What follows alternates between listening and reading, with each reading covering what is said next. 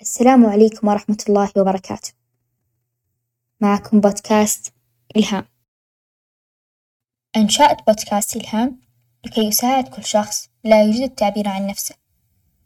لماذا أسميت بودكاستي بإلهام؟ لفتني المسمى في إحدى المرات بشعور الشخص بالإلهام بسبب شخص معين ملهم له، إلهام له معاني جميلة وإيجابية، أتمنى أن تستمتعون في بودكاستي وأفيدكم في أمور حياتكم. متمنية من الله أن أترك أثر طويل المدى في قلوب الجميع،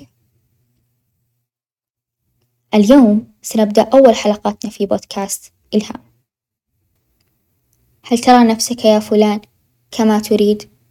هل ترى الحياة مبهجة بعينيك؟ هل ترى للفرح حدود؟ والآن بدأت انتهاضة عالمية لمفهوم الوحدة، لا يوجد شخص يشعر بالوحدة أعظم من إدراك أن لا أحد يريده في هذه الحياة،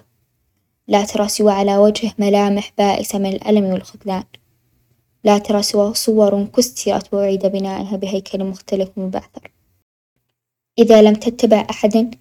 ستشعر أنك وحيدًا جدًا، كن وحيدًا. إذا لما تخاف من الوحدة؟ لأنك تواجه نفسك كما هي،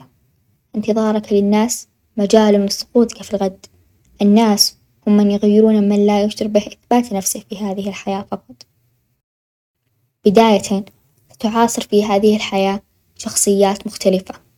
أناس لم يجدوا طريقهم في هذه الحياة، أما الآخرين فلم يستطيعوا التعبير عن أنفسهم، وضعوا في وحدتهم قيودًا لعدم المواجهة، أصروا على النهوض وأتى من ينهشوا، ليس كل شخص مثل ما تريد يا أيها الإنسان، وليست الحياة مطلبك الأساسي، وليس التعبير عن الخوف والضعف هزيمة، وليس كل ما تراه صدقه. وليس كل ما تتمناه سيصلك، إنما حاول وبادر وانهض واجعل كل ما تريده حقيقة. ادع ربك بكل حين، الجأ إلى ربك في أواخر الليل متذرع مجرد كل قوتك لله، منتظر إجابة دعواتك التي كنت ترجوها من سنين، تأمل كل ما تدعوه وأنت موقن أن هو سبحانه وتعالى من يساعدك في كل أمور حياتك. لا تجعل حياتك لعبة بين أيدي الناس، ولا تجعلهم متحكمين في قراراتك، لا تنتظر محبة الآخرين لتكمل حياتك، يقال أن الحياة تأخذ منك أعز ما تملك، ولكن لا تأخذ منك إثبات حياتك، أنت بنفسك قادر على إسعاد نفسك، لا تجعل علاقاتك متعلقة بالآخرين، راودني سؤال من إحدى صديقاتي كان محتوى السؤال كيف يمكنني معرفة الشخص الذي يتمنى لي الخير أم لا؟ بداية إن أفعال الشخص تفضحه قبل كلامه، داخل الشخص ونواياه كفيلة بأن تهزمه ليبين باطنه المتروس من خبث، ترى في عيونه دهشات مختلفة في كل موقف، تجده متلهف لمعرفة أخبار الآخرين، يسأل كثيرًا ولا يستطيع الانتظار، تجده حاسد للناس يرى الذي عند الناس أعظم من الذي لديه. لا يوجد لديه قوانين لإيذاء الناس، الذي يعرفه بأنه سوف يؤذي الناس ويذهب، ولكن الذي لا يعرفه بأنه سوف يحاسب في الآخرة لا محالة للعقاب، إنني أتكلم عن فئة معينة وهم المنافقون، عليكم أن تتمعنوا في كل علاقاتكم، لا تتعرفوا على الناس لمجرد أن تشغلون أوقات فراغكم، بل تعرفوا على من تجدوه صادق في أفعاله وكلامه. أو اكتفوا بأنفسكم لتعيشوا بسلام وراحة، أتمنى منكم يا أصدقاء أن تحرصوا على نفسكم جيدًا في كل علاقاتكم، هنالك شخص يتعرف على أشخاص كثيرين لا يرى في تعرفه عليهم أية أخطاء، ولكن يتضح له بعد فترة أنه نادم على إنشاء الكم الهائل من العلاقات هذه، لماذا برأيكم؟ لأنه في كل مرة لا يوجد صعوبة في التعرف، بل يوجد صعوبة بأنه شديد التأقلم. فإن بدأ شخص معه بالكلام فيرد بالسلام ويبدأ بينهما حوار ومن حوار إلى حوار آخر إلى أن يجد نفسه متعمقًا في هذه العلاقة، متى وكيف ولماذا؟ لا يجد أية إجابة على أسئلته، عندما يتعمق يدرك أنه بالمكان الخاطئ، ولكن لا مهرب بعد الآن، يكمل هذه العلاقة وهو لا يدري ما هي بوجهة نظره، وبالنهاية يتم صفعه من قبل الأشخاص الذين يتعرف عليهم.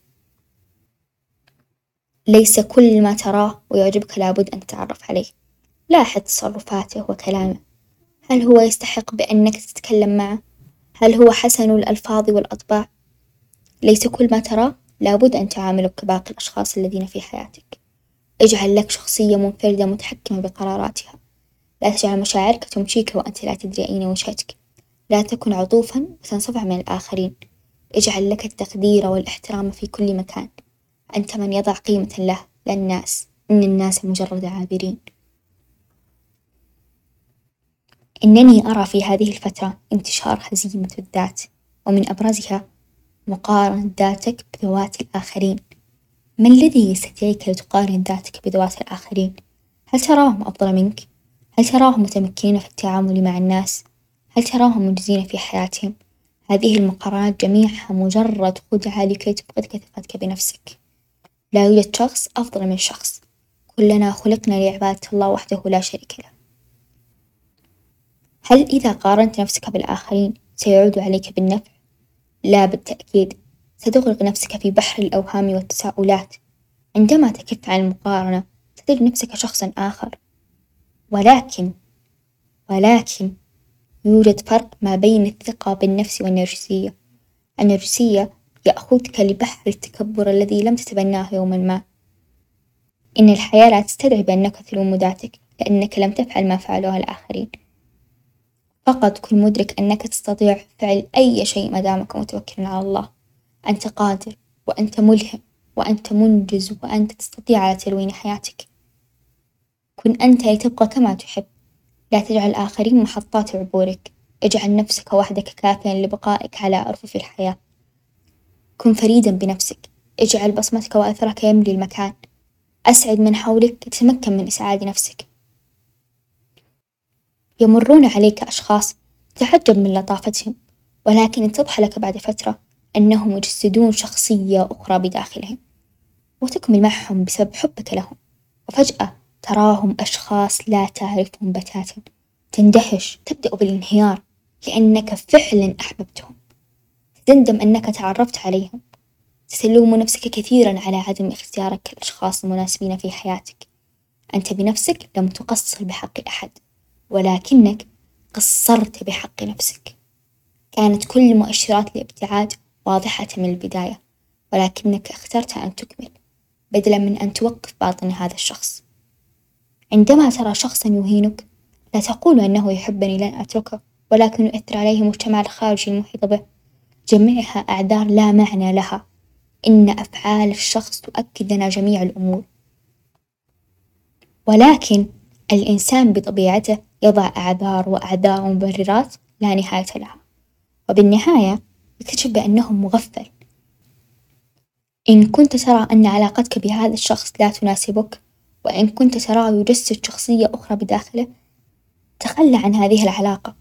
لست ملزوم بأنك تكمل بعلاقاتك هذه،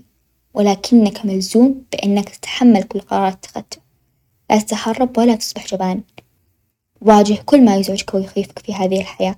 إن كنت جبانًا سيمرون عليك الناس ولا يراك أحد، اثبت نفسك وضع بصمتك بنفسك. نهاية أتمنى من كل أصدقائي الهام بأن تكونوا حريصين على علاقاتكم، انتقوا كل شخص ترافقونه، ابتعدوا عن كل ما يحزنكم، تأملوا الجانب الإيجابي والمبهج بحياتكم، إلى حلقة أخرى بإذن الله، ومن إلهام إلى إلهام آخر، وداعًا يا أصدقائي إلهام.